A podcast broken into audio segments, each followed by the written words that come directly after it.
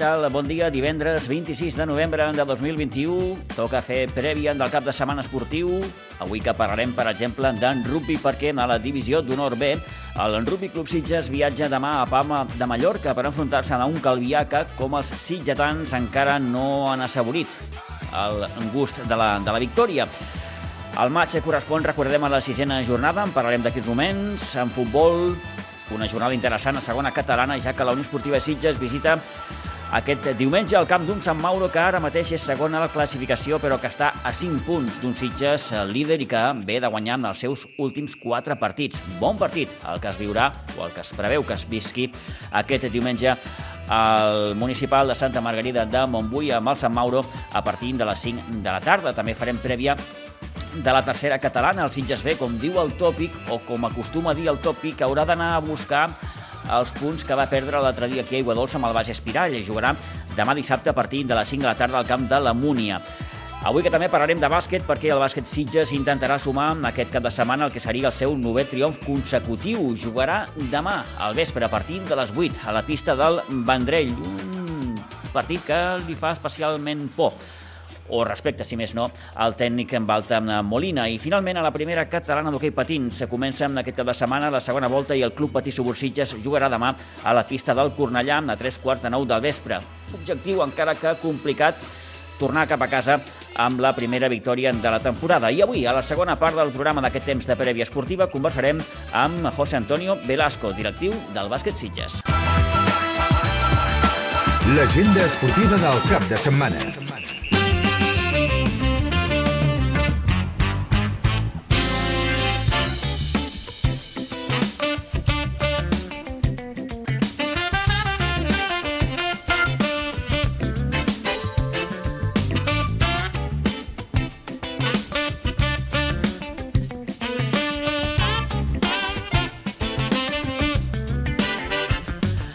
Doncs, comencem ja a desgranar amb aquesta jornada esportiva del cap de setmana. Comencem parlant de futbol base, dels partits dels equips de la Blanca, també els que disputaran al llarg del cap de setmana els de la Unió Esportiva Sitges. Per exemple, recordar que la preferent juvenil es disputa la desena jornada de Lliga, el juvenil de la Blanca que ha sumat 7 dels últims 9 punts rep aquest diumenge amb el CUE, el Club de Futbol Terres de l'Ebre, el conjunt de Tortosa, que presenta un balanç ara mateix del tot negatiu com a visitant, ja que ha perdut els quatre partits que ha disputat. El maig, recordem, es jugarà aquest diumenge amb el nou Pinsbens a partir de dos quarts de cinc de la tarda. En altres partits dels equips de la Blanca, per exemple, el juvenil B, que ara mateix és segona a la classificació i que intentarà en aquesta temporada donar el salt a la primera divisió, juga amb aquest dissabte al camp del base Vilanova a partir de les 8 del vespre. El cadeta ho farà contra el Corbera, el Nou Pinsbens, diumenge a partir de les 12.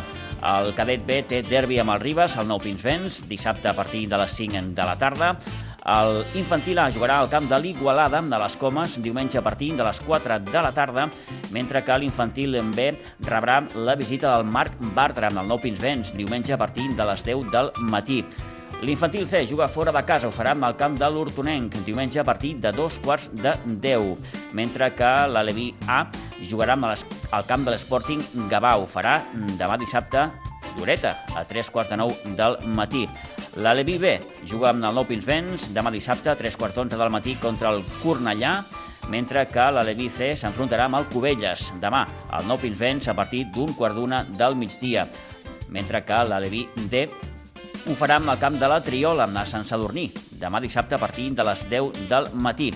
En categoria Benjamí, el Benjamí A en rep el base Olèrdula, ho farà demà dissabte a 3 quarts d'onze al Nou Pinsbens. El Benjamí B ho farà al camp de l'Atlètic Sant Just, diumenge a un quart d'onze del matí, mentre que el Benjamí C té derbi aquí a casa amb el Ribes demà dissabte a un quart d'una del migdia. I el Benjamí D juga fora de casa, ho farà al camp de la Granada demà dissabte a un quart d'onze del matí. El Benjamí C, per la seva banda, jugarà amb el camp del base Olèrdula, ho farà eh, aquest dissabte a partir de les 7 de la tarda. I recordar que eh, a les 9 del matí els partits de promeses i també a partir de les eh, 3 quarts de 10 més o menys els partits dels Pitufos.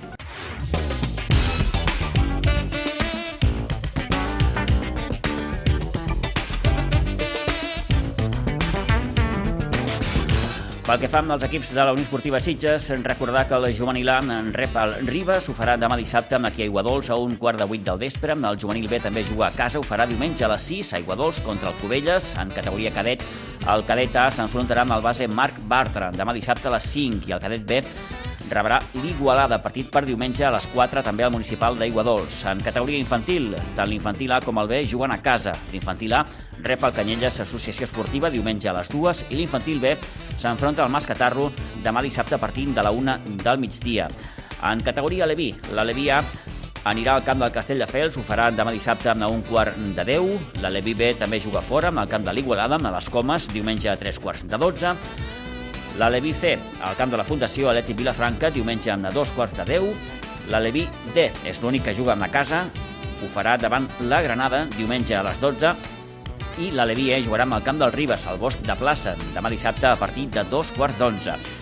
Finalment, en categoria Benjamí, el Benjamí A eh, rebrà amb el Ribes, ho farà diumenge a les 11, el B amb la Fundació Unió Esportiva Cornellà, demà dissabte a les 12. També demà dissabte a les 12 el Benjamí C rebrà la visita de la Fundació Atlètic Vilafranca.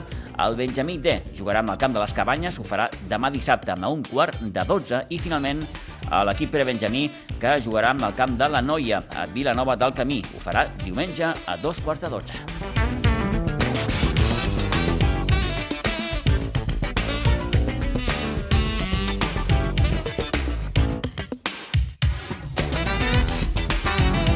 Bé, doncs, fet el repàs ja de la jornada en matèria de futbol base, anem ja a fer prèvia de la segona i la tercera catalana.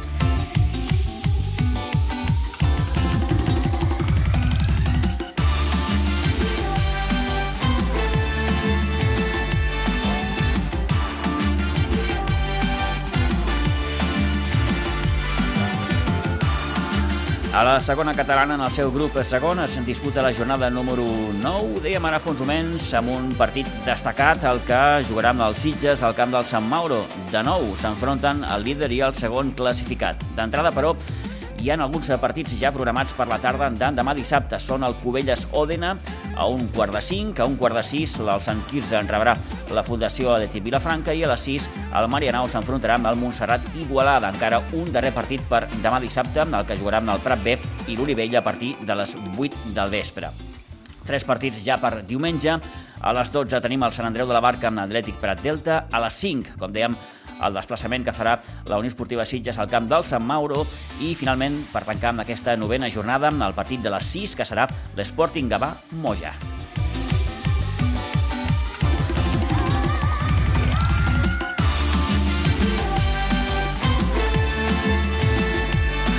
Es torna a repetir, per tant, la mateixa circumstància que ara fa 15 dies, quan el Sitges, que era líder, visitava el segon classificat, que era aleshores al Marianao. El partit va acabar amb victòria per 1 a 2. Tant de bo es puguin repetir amb aquest eh, resultat aquest diumenge, com dèiem, al camp del Sant Mauro, que ara mateix és segona a la classificació. Toni, bon dia. Bon dia. Tots, sabe, tots sabem que eh, jugar en aquell camp... De fet, jugar en qualsevol camp és complicat, però el de Santa Margarida de Montbui té, té alguna cosa que el fa complicat, també. Sí, és molt gran, no s'acaba mai, Eh, la gent està molt sobre, eh, l'ambient crida, eh, mossega, però bé, els Sitges li ponen molt bé, no? Tot i que els Sitges eh, juguen molt bé, eh, molt ben col·locadet, molt bé unit, eh, eh, al ser el camp més gran doncs, tindrà que buscar o deixar menys espais, però bé, tal com està jugant els Sitges, eh, jo penso que els Sitges eh, en aquest camp pot fer un bon partit, però davant té un rival complicat com és el Sant Mauro, un Sant Mauro que va començar de menys però que ha anat a més uh mhm. -huh. i que està ja segon classificat. La tarja de presentació d'aquest eh, Sant Mauro, com dèiem, és segon classificat, eh, té 16 punts, eh, suma 5 victòries, un empat i una única derrota. És l'equip que menys gols ha encaixat, per tant, estem parlant d'un equip eh, sòlid a nivell defensiu, només ha encaixat 6 gols. La única derrota la va patir a casa, precisament 1 a 4 contra el Marianao. Al seu camp també hi ha resultats prou contundents, com un 5 a 2 amb el Sant Andreu de la Barca o un 3 a 0 davant l'Atlètic Vilafranca. L'últim resultat, el conjunt igualadí ve de guanyar 0 a 2 a l'Atlètic Prat Delta. Aquesta seria, com dèiem, la tarja de presentació d'aquest Sant Mauro que diumenge rebrà a un Sitges Toni que ve de 4 victòries consecutives. Li preguntàvem l'altre dia a la Luri si ella creia que l'equip ara estava en el seu millor moment. Probablement sí, però esperem també que el, el millor moment encara estigui per arribar. Sí, sí, sí, el que passa que aconseguir quatre victòries en aquest grup no és gens fàcil. Gens. És, és molt, molt, molt, molt complicat. Eh, sí, el Sitges està en, en un gran moment. Jo no diria el millor, perquè si eh, la Luri està treballant, treballa l'equip com ho està treballant actualment, jo penso que arribarà el Sitges a tenir un moment més, més alt, no? Però de joc està en el seu bon moment, Eh, sobretot a Can Contrari llegeix molt bé els partits, a casa pateix una miqueta més, a fora mm, doncs, eh, sap llegir molt bé els partits i si el Sitges doncs, pot comptar pràcticament en tots els efectius, home, serà un partit per veure'l. Eh? Estem parlant, Toni, d'un Sitges que ha guanyat els partits que ha jugat a fora. Sí, Ara ho dic de memòria, va guanyar Montserrat Igualada, va guanyar contra el Prat B, sí, sí, sí. va guanyar a Marianao, Al camp de l'Olivella, de l'Olivella, sí senyor. És a dir, que porta quatre victòries fora de casa. i dintre d'aquestes quatre victòries, doncs, si no recordo malament, han encaixat tots gols. Sí, sí, poquets, poquets. Eh? Doncs això vol dir que, tot i que el Sant Mauro és un equip doncs, que encaixa molt pocs, el Sitges, al contrari, també, però té una virtut el Sitges, que marca molts gols, no? I, sobretot ara, en aquesta recta final, doncs l'equip està marcant... En matèria golejadora, ara que comentes aquest aspecte, Toni, bé, estan més o menys similars, eh? Sitges, 17 gols a favor, Sant Mauro, 14. Sí, Eh? sí. Sí que en contra el Sant Mauro han encaixat 5 menys, com dèiem, aquests 6 gols que el converteixen en l'equip més sòlid eh, a nivell defensiu, 11 han encaixat els Sitges, uns quants més. Sí, uns quants... més. Sobretot a casa, no? Sobretot el... Eh, van fer mal aquells 4 gols del Terlenca. Clar, eh, clar, és que és això, quatre gols del Terlenca, els que va rebre del Monja, de, Del Moja. del Moja Sí, sí, que van ser dos. eh, dos, eh, m'entens? Vull dir, han sigut els gols que, que l'han fet mal, sobretot a casa.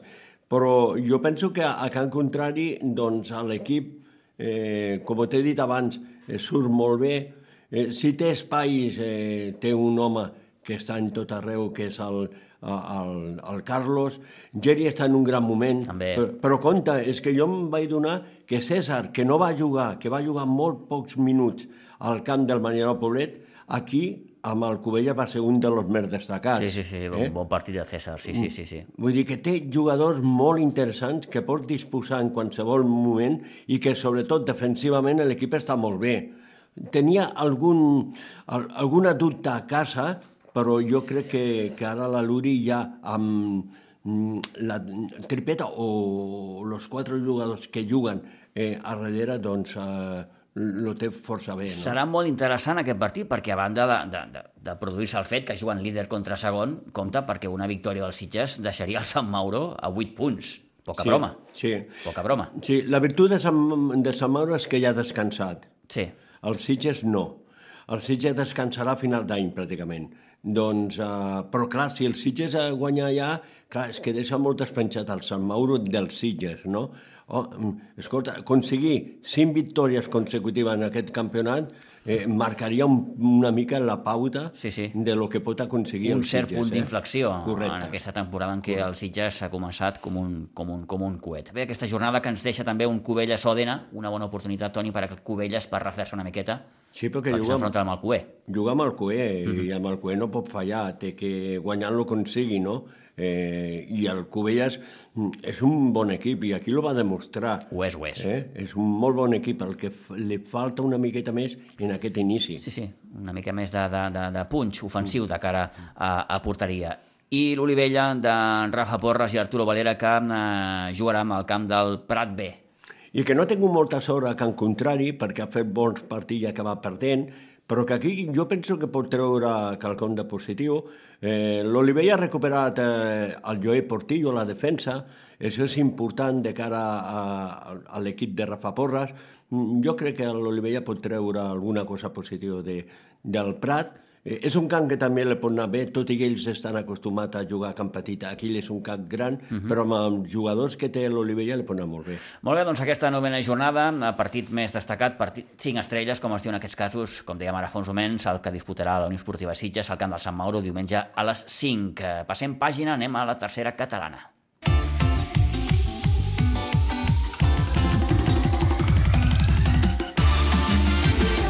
Perquè en el cas de la tercera catalana, en el seu grup 12 es disputa la onzena jornada, uns quants partits, el gruix de la jornada va per demà a la tarda, a les 4 tenim el Montbui Atlètic Vilanova, a les 5 el Ribes Les Cabanyes, el Sitges B que visitarà el camp de la Múnia, a dos quarts de 6 la Noia en rep al Vilanova del Camí i a tres quarts de 6 l'Ateneu Igualadí, Poble de Claramunt. Els tres partits que falten van per dissabte. Dos al migdia, una a la tarda. Al migdia, a les 12, el Bas Espirall Torrellenc i també a les 12, a l'Enriu de Villes, la Granada. Tancarà amb aquesta onzena jornada el partit entre el Masquefa i el Pira a les 5.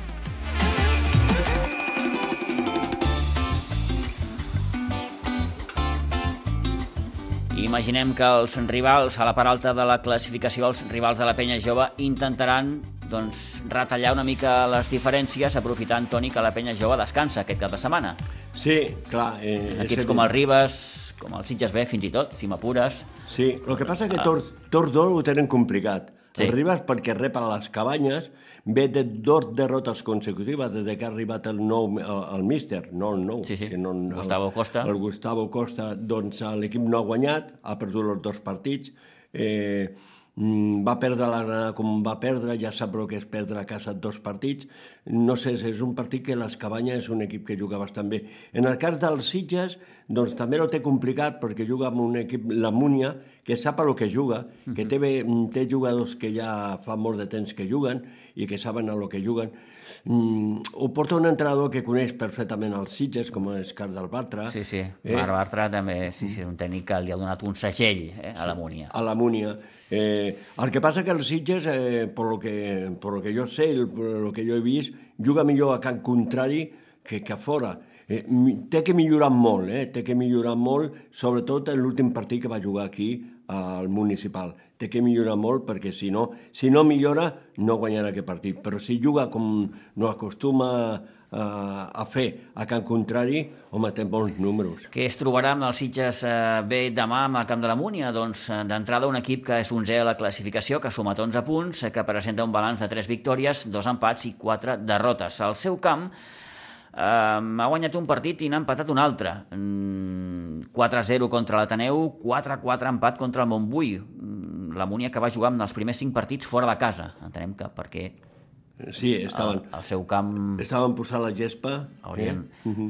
eh, doncs l'últim resultat, recordem, el conjunt de la Múnia ve de perdre 2-0 amb l'Atlètic Vilanova, que és una miqueta la tarja de presentació de l'equip de Marc Bartra. Sí, en un partit en el que l'Atlètic Vilanova va començar marcant el primer minut, el, el Sergio Jiménez, i que va marcar el segon gol en l'últim minut de, del partit, no? que, va, que va ser en Rubén Cortés. No? Uh -huh. eh, a mi no me va desagradar eh, la Múnia, sobretot eh, tot el que jo vaig veure, eh, vaig veure un equip competiu, un equip que treballa molt, que no tindrà fàcil els Sitges, però a favor dels Sitges també eh, té que dir que el Sitges en aquest camp li va força bé, perquè el Sitges en aquest camp poques vegades ha perdut. Sí, sí, no li recordem un resultat allò negatiu no, per això, en els últims anys, en les últimes temporades. L'últim resultat va ser un empat uh -huh. al camp de la Múnia. Eh, per això jo crec que si el Sitges juga com acostuma a jugar o com acostumava a jugar, de, exceptuant els dos últims partits que jo he vist, el cas del Masquefa i el cas de, de l'última derrota davant de l'Espirall, doncs eh, té molts números de treure alguna cosa positiva de, de la Múnia, si no pot ser els tres punts. La penya jove que, com dèiem, descansa aquest cap de setmana, però el conjunt de la Roqueta Estoni ha començat a eixamplar una miqueta les diferències. Sí. Ja li treu sis punts al segon, que és el Ribas, per tant, comença a tenir un coixí interessant, si més no. Sí, no i... definitiu, perquè no ho és, però sí interessant. Uh -huh. I això que l'esperen a, a tots els camps. Eh? Obvi. És uh -huh. l'equip a batre, no? I, I a més a més la prova de temps en aquell partit davant de les cabanyes que perdia 3 a 1, eh? I va remuntar un 3 a 1 i va acabar guanyant eh, per 5 a 4, no? Aquí, en Toni, un... la gran pregunta és, eh, aquests equips que estan aquí dalt, com el Ribes, com el Sitges B, com la Pobla de Claramunt, com el Riu de Villes, si seran capaços d'aguantar aquesta tirada? Jo penso que han començat molt fort i el cas del Sitges, si el Sitges fa la feina que com acostuma a fer o com acostumava a fer excepte en aquests dos partits, eh, el Sitges pot estar a dalt. La Pobla de Calamunt és un equip que jo no coneixo tant, però està fent molt bon resultat i en el seu camp és molt complicat perquè és un camp petit, la gent està molt sobre. Mm, jo crec que el Ribas potser és l'equip que se comença a desinflar una miqueta, però jo donaria per fet que la penya jove cada vegada anirà ampliant més la seva diferència. En suma, equip de segona catalana. Sí, Eh? sí, sí, sí, totalment. I això que fa tant... L'altre dia va a 15 jugadors, vull dir que té molt lesionats, però que té Carlos Contreras, no? Té un jugador Sí, sí, que ell sol... té una pot, garantia. Pot decidir. I si no decideix Carlos Contreras, té mm, el Manu Muñoz, que ell sol va marcar dos gols i és un I és defensor. un defensa, l'exjugador del Sobrense. Correcte. Eh? Manu Muñoz. Doncs veurem el que fa amb el Sitges B, com diem, que s'enfronta a la Múnia aquest dissabte a partir de les 5 de la tarda. Tanquem carpeta futbol, repassem la resta de jornada esportiva.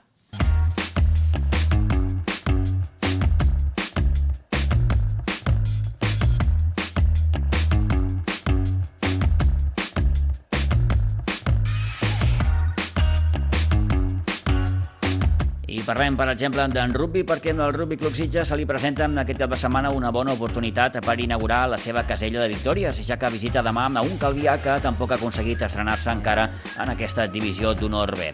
Camilo Hanglin, el tècnic del Rugby Club Sitges, creu que, malgrat les cinc derrotes que porta l'equip, hi ha certs aspectes positius, com, per exemple, l'anomenat fons d'armari. Y otra cosa muy importante que últimamente lo estamos logrando y que otros años no era tan, tan obvio, era que estamos ensanchando el equipo o la cantidad de jugadores que pueden jugar en el primer equipo. Eh, antes los suplentes no eran, no todos los suplentes eran del mismo nivel que los jugadores que estaban en el campo. Teníamos dos niveles. Ahora, eh, bueno, de a poquito se va ensanchando ese grupo de jugadores o ese, ¿no? Esa, ese- esa plantilla de la cual podés tirar y podés acceder, el fondo de armario que se llama normalmente de los equipos. Bueno, el nuestro empieza a estar un poquito más rellenito. Ten- Tenemos algunas, algunos jugadores que aunque no jueguen realmente en el primer equipo, pueden dar el caso perfectamente y subir del segundo al primer equipo sin ningún tipo de problema. Eso es muy importante, porque el campeonato es largo y esto recién empieza. Van muy pocos partidos, no llegamos con la media docena de partidos eh, y tenemos tiempo. Tenemos que ir por sumando ladrillo a ladrillo. Ahora nos falta la consistencia, la solidez de la de los 80 minutos. Vamos bien, paciencia.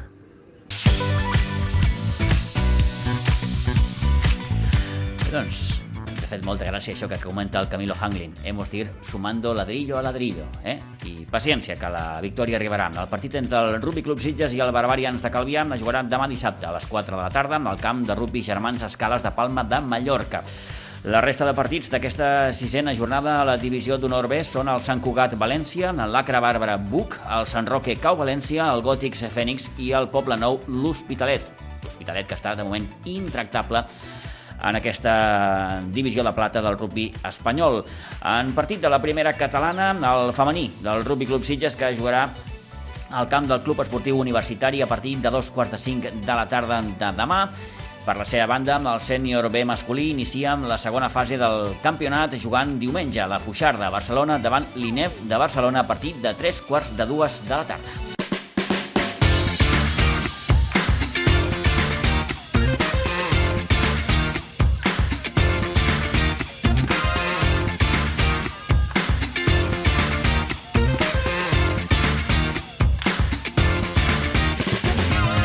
Seguim endavant, parlem de bàsquet perquè el bàsquet de Sitges es juga demà dissabte a les 8 del vespre a la pista del Vendrell. Els sitgetans, líders amb 8 victòries, s'enfrontaran a un Vendrell que, amb dos partits pendents encara, presenta un balanç de 4 victòries i dues derrotes. La dada a destacar, però, és que els dos partits que ha jugat a casa els ha guanyat 61-60 amb el Manyanet i 69-57 a la última jornada contra el Salou. L'entrenador del bàsquet de Sitges, Balta Molina, segueix insistint en el fet que el no poder entrenar en condicions degut a les obres del pavelló els està fent perdre certs aspectes del joc. Espero, espero que sigui, que sigui d'aquí poc temps perquè, com ja he comentat altres vegades, sí. hem perdut el tacte del contraatac, l'hem perdut i és una cosa que nosaltres ho treballàvem molt bé. Mm, tu ja vas veure partits de l'any passat, sí. era un joc ràpid, arribar ràpid al, al camp contrari, jugar amb transicions, tot això no ho podem entrenar.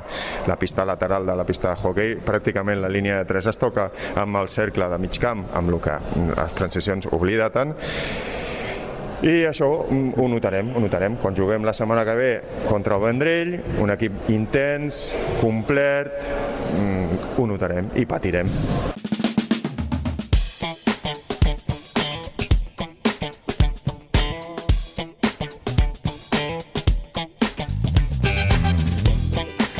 Doncs el partit a la pista del Vendrell que se jugarà demà dissabte a partir de les 8 del vespre. La resta de partits d'aquesta novena jornada a la segona categoria són el Viladecans Nou Bàsquet Vilanova, el Manyanet Casal de Vilafranca, el Valls Reus Ploms, el Salle Reus La Selva i el Reus Deportiu Salou. Recordar també que tenim cap de setmana de derbis, ja que el sènior B s'enfrontarà amb el Samà demà dissabte a Pinsbens a partir de les 6 de la tarda, mentre que el sènior femení jugarà diumenge a les 4 de la tarda al pavelló Isaac Galvez davant el Nou Bàsquet Vilanova.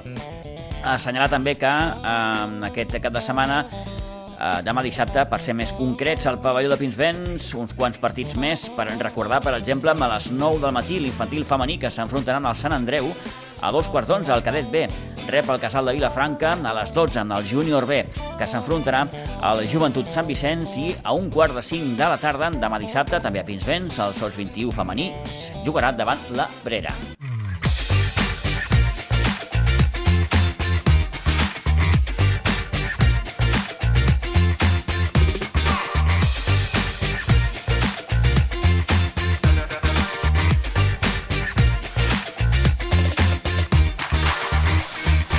Parlem també d'hoquei patins perquè comença la segona volta amb la primera catalana i el Club Patí Subursitges jugaran demà a la pista d'un Cornellà que, en recordem, ja va guanyar amb la Pinsbens en partit de la primera jornada del campionat i que a l'última jornada es va imposar el Monjos a domicili per 3 a 5. De moment, i pel que fa als partits com a local, el Cornellà ha aconseguit una victòria i dos empats. El maig jugarà, com dèiem, demà dissabte al pavelló de Sant Ildefons de Cornellà a tres quarts de nou del vespre.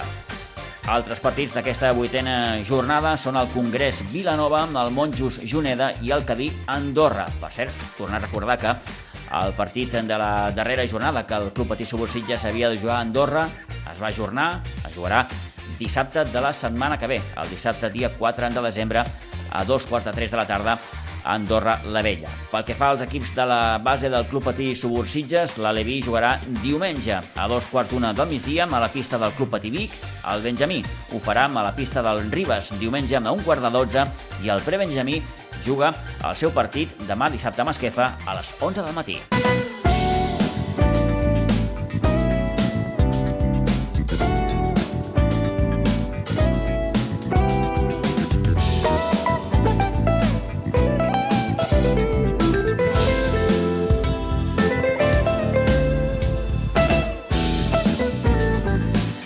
Vinga, doncs, com dèiem, abordem aquesta segona part del programa conversant uns minuts amb en José Antonio Velasco del Bàsquet Sitges. José Antonio, ¿qué tal?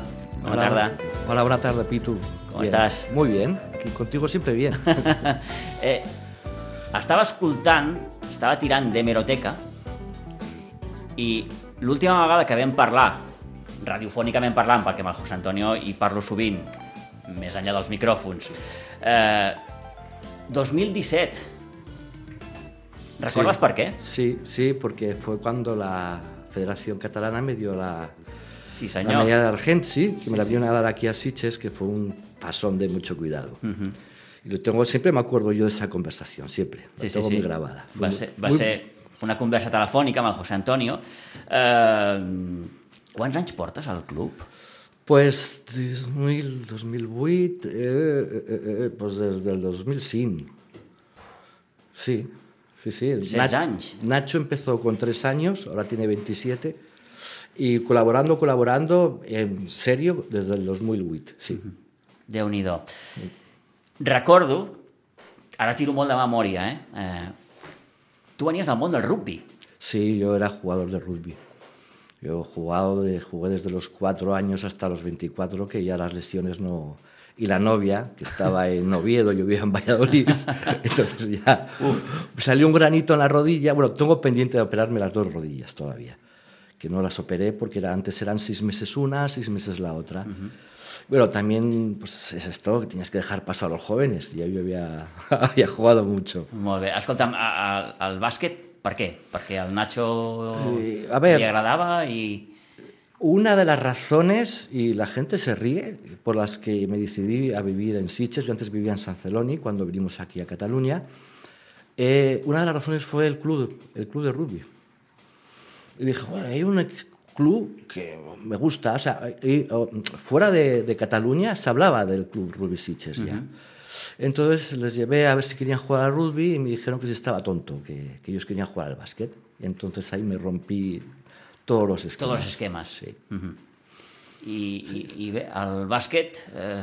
El básquet, pues empezó Nacho, empezó otro hijo mío, Álvaro, los dos ahí a jugar y coincidían que uno jugaba en el equipo que estaba el hijo de Freddy y el otro que estaba el hijo de Jordi.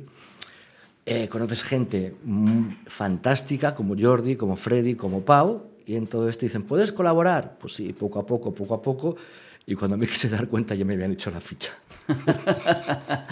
eh, I ara podem dir que eh, la figura del José Antonio, vaja, que, que, que no s'entén el club sense, sense la figura del José Antonio, jo sempre ho he dit. Eh, ell em dirà que no, però vaja, mm, jo crec que José Antonio és una de les ànimes del club mm, i, i, i que per molts anys, no? tot i que ell tampoc, no sé si en tindrà moltes ganes de seguir molts anys, però, però, però, pero bueno. Eh... Yo, la verdad, eh, me encontré con tres pilares muy importantes y ahora te voy a ser sincero, voy a hacer un striptease. Sí, perfecto. Eh, un tal Pau Simó, presidente, con una capacidad de organización brutal. Jordi, con una capacidad administrativa mm, enorme. Y Freddy llevando todo lo que era la dirección deportiva y, y, y, y limando todos los inconvenientes de una manera que aprendí mucho de los tres mucho. Además, es que yo creo que es la, la figura de, de, de, una junta que es importante, organización, administración y, y, deportiva. Pero vi que les faltaba un poco de, ay, así, de sentimiento, que esto te lo da mucho el rugby. O sea, un club, mm, aparte yo, todos mis años de rugby eran sentimientos, ese sentimiento que hay participativo, que todo el mundo quiera participar, que todo el mundo se sienta de un club. Y entonces yo vi que esto faltava un poco en el, en el, en el club bàsquet Sitges. Luego, aquest però... sentiment de pertinença, no? Sí. Suposo, dir, sí. jo sóc del bàsquet Sitges, sí. aquest club és meu, me'l sí. sento meu. Sí. Tengo una anécdota de la entrevista que me hiciste que pienso mucho en ellas cuando me preguntaste, ¿y qué es lo peor del básquet? Y yo te dije, los padres. Eso se me quedó grabado. Digo, esto lo tengo que, que quitar. Que revertir. Sí, porque los padres es lo mejor que hay en el club Sitges.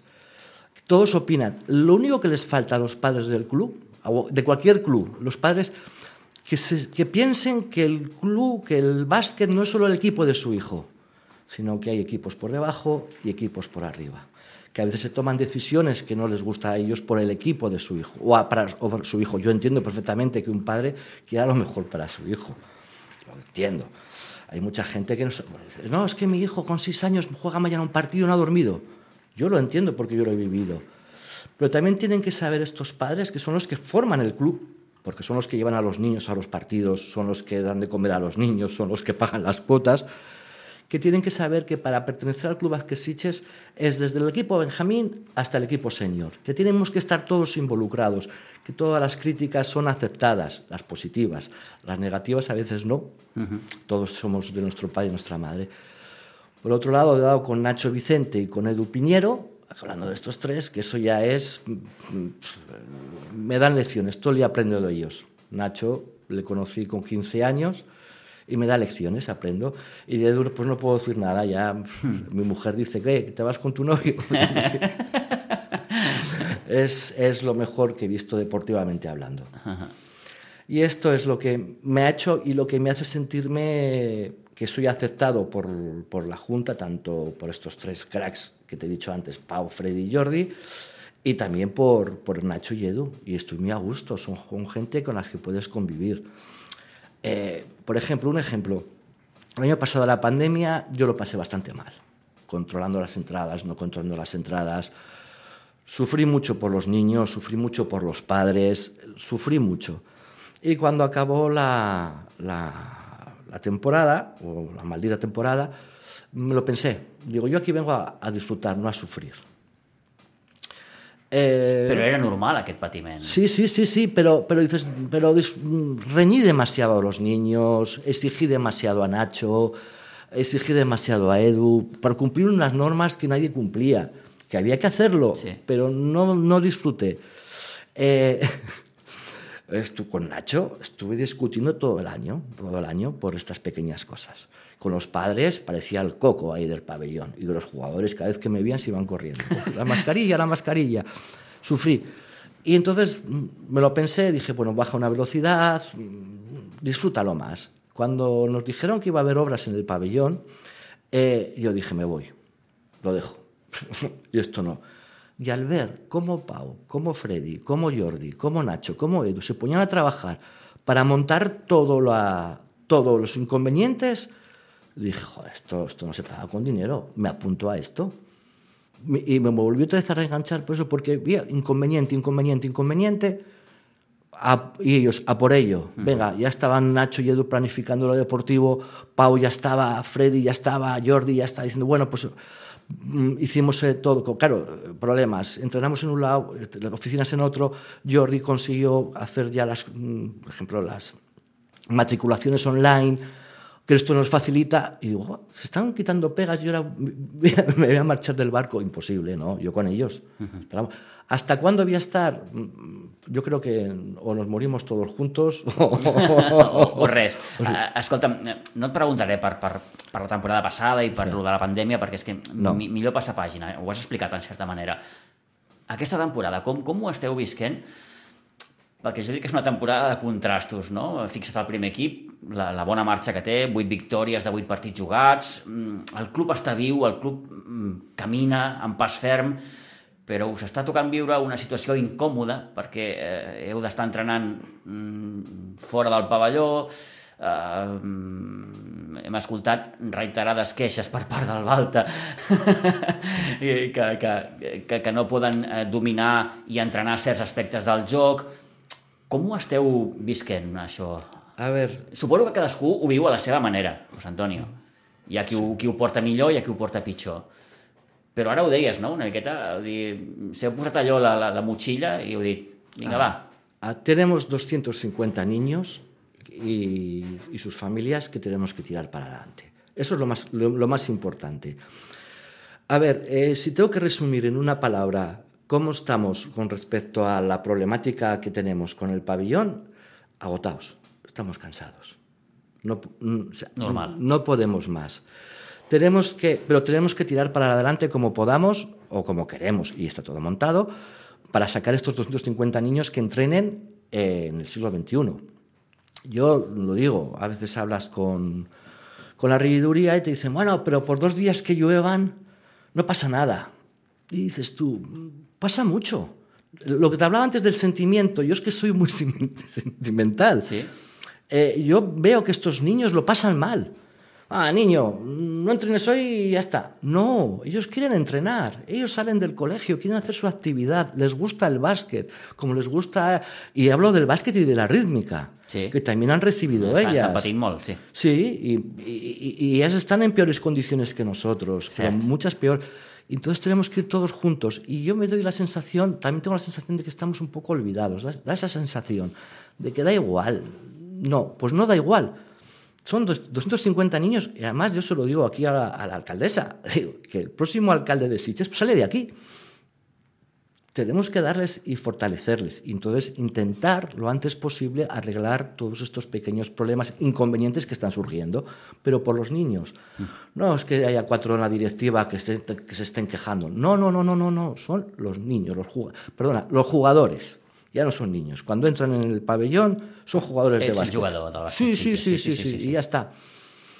Y así estamos, pero cansados. ¿Quiénes son las últimas informaciones que teniu? A ver, eh, lo último es que el revestimiento del, del techo y todo ya está, acabado. Han hecho los plazos, han cumplido todos los plazos.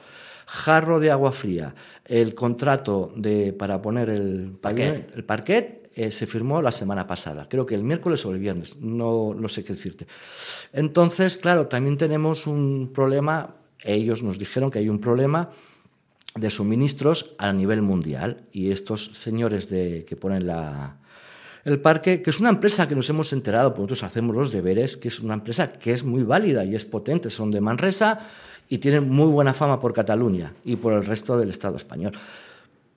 Mm, Dicen que no pueden cumplir los plazos. Entonces, esto es lo que hay, que nos dijeron que el 7 de enero empezarían que podíamos disponer. Pero luego otra segunda comunicación que fue la de que el par de Nadal lo van a hacer en el pabellón, en el pabellón 2, el que se está construyendo, porque mientras no empiecen las obras, eh, lo van a utilizar y que, claro, hasta el 7 de enero mm, empezarán el 7 de enero a poner el parque. Claro. Entonces calculamos que si para carnaval lo tenemos, pues bien, bienvenido sea, si no para Semana Santa. És a dir, febrer... Sí, no lo sabemos, es que y no sí, sabemos. no, clar, clar, clar, preguntar sobre timing és... és... Es, es- es muy difícil, es muy difícil. ¿Que podían haber hecho mejor los deberes? Sí. ¿Que nosotros como club intentamos hacerlo todo siempre bien y correcto y, tr- y trabajado? Sí. ¿Que vamos a distintas velocidades de la regiduría? También, eso es cierto, pero esto es un problema que viene de muchos años atrás, muchos años. No se puede decir que el equipo de gobierno este, lo, lo esté haciendo mal. No, es que el deporte en Siches no importa, no importa. Y te puedo dejar un ejemplo. Siempre ha habido, en, un, en anterior, la anterior legislación, en un año y medio hubo tres regidores de sports. Son mucho, es mucho cambio. Cada regidor de sport que viene a, a- al- a coger su puesto tiene otra regiduría más. El- y cuando yo creo que llevamos un retraso, según este equipo de gobierno, me lo dijeron a mí, hay un retraso de 10 años en equipaciones en Siches, equipamiento- equipamientos deportivos. Yo creo que hay un retraso de 20 o 25 años. Tiene que haber, tiene que haber un cambio de 360 grados y cambiarlo todo y, coger el deporte como se merece. El futuro alcalde de Siches saldrá de algún equipo deportivo. Eso lo tengo clarísimo, muy claro. Y nos tienen que ayudar. No tener esta sensación de que no, sí, no, sí, no, no, vamos a trabajar juntos. No trabajamos juntos. Nos informan, tienen una manera de informarnos que ya es como categórica. No informan, oye, va a pasar esto, esto, esto, puede pasar. No, eh, hay esto. Pues vale, nos van llegando estas noticias. No podemos. Mira, todo esto empezó que nos llegó el, el señor Monasterio, muy contento en, en- en abril. Os vamos a poner ya de por fin el parqué y vamos a quitar las goteras del techo. Bien. La noticia mala la haremos en, en octubre. Mm, Bueno, va, pero se hará. Sí, en octubre empezamos. Ya estaban trabajando Nacho, Edu, mm, montando todos los entrenamientos hasta octubre, todo. El 24 de julio o 25 de julio nos llegó un, mail diciendo el 1 de agosto no podéis utilizar más el pabellón que empiezan las obras. No podíamos tener una relación más. Rompe todos los, todo lo que has hecho, rompe todas las hojas, todos los horarios, y, y ya empezábamos con la incertidumbre. Ahora sí, hoy, hoy podemos entrenar en el pabellón. Ah, pero no vamos al Benapril. No, no, hoy nos dejan, que no ha empezado. Y el 16 de septiembre empezaron las, las obras y hasta hoy. Entonces ya, ¿qué plazo nos ponemos? Carnaval. Ya no, ya, ya estamos cansados, estamos muy agotados. Saben dónde estamos, nos pueden informar como quieran, que aquí estamos abiertos a todo tipo de, de información. Doncs són uns quants dies de pluja ja. Sí, sí. A ver. eh, Quants entrenaments s'han hagut de suspendre? Pues ya llega- hace una semana. mm, Sí, sí, portem un, unos unes- cuantos. Sí, sí.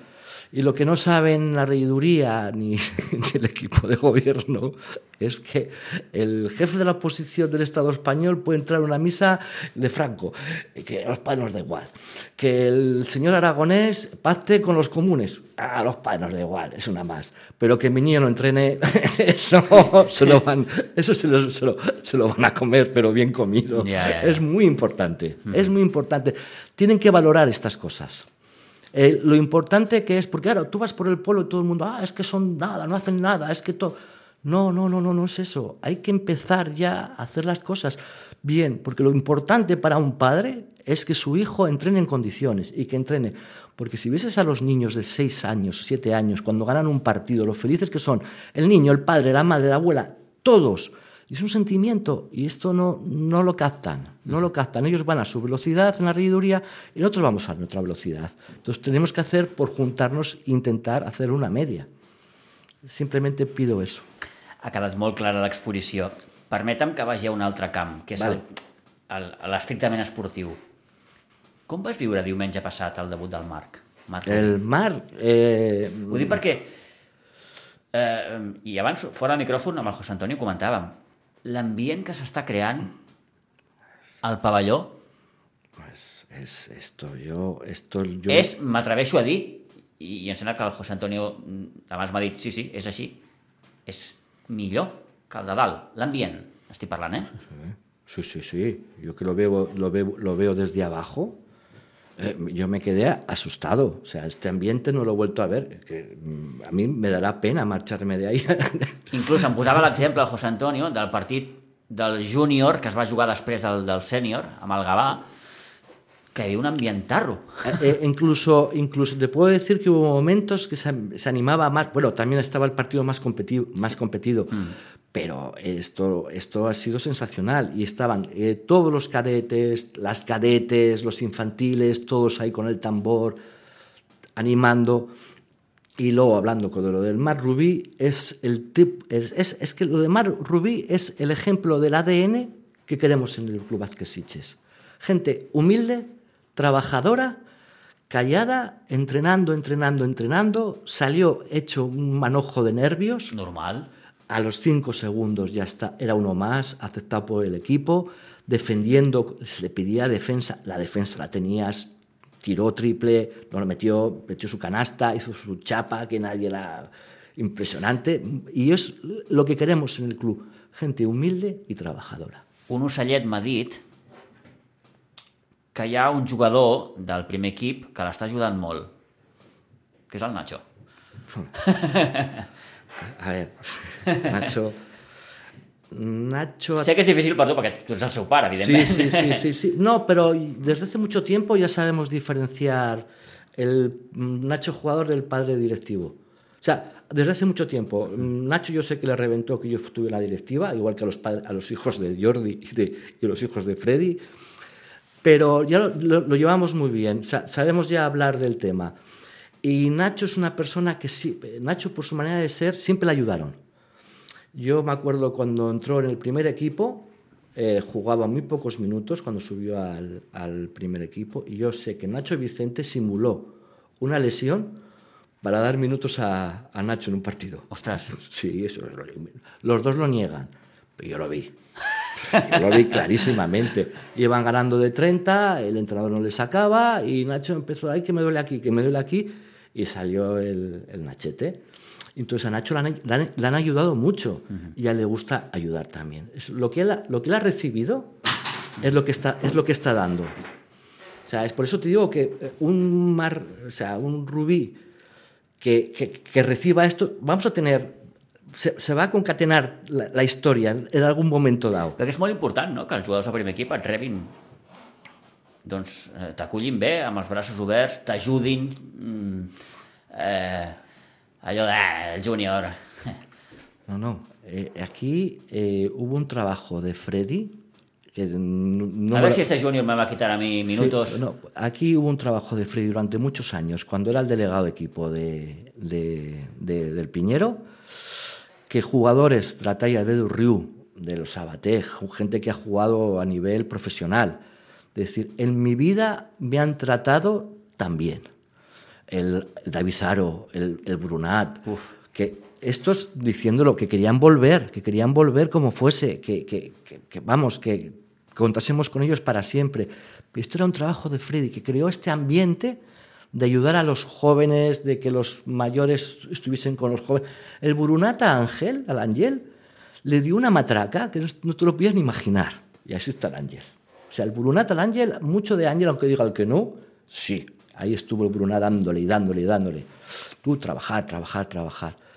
Ah, Otro jugador, Ángel, otro jovencito. Sí. Se pasó todo, des- desde, los equipos más pequeños, desde, empezó en la base con equipos mm, poco agraciados, con entrenadores que no eran los, los convenientes, pero no había otros. Y él trabajando, trabajando, trabajando y trabajando, se la botaban en el pie, y él lo reconoce. Y trabajando, trabajando, trabajando, mira dónde está. Ahí, ahí arriba. Pues entonces esto es el ADN que queremos de Sitges. I ara, en certa manera, José Antonio fa patxoc a veure aquest equip. No? Sí.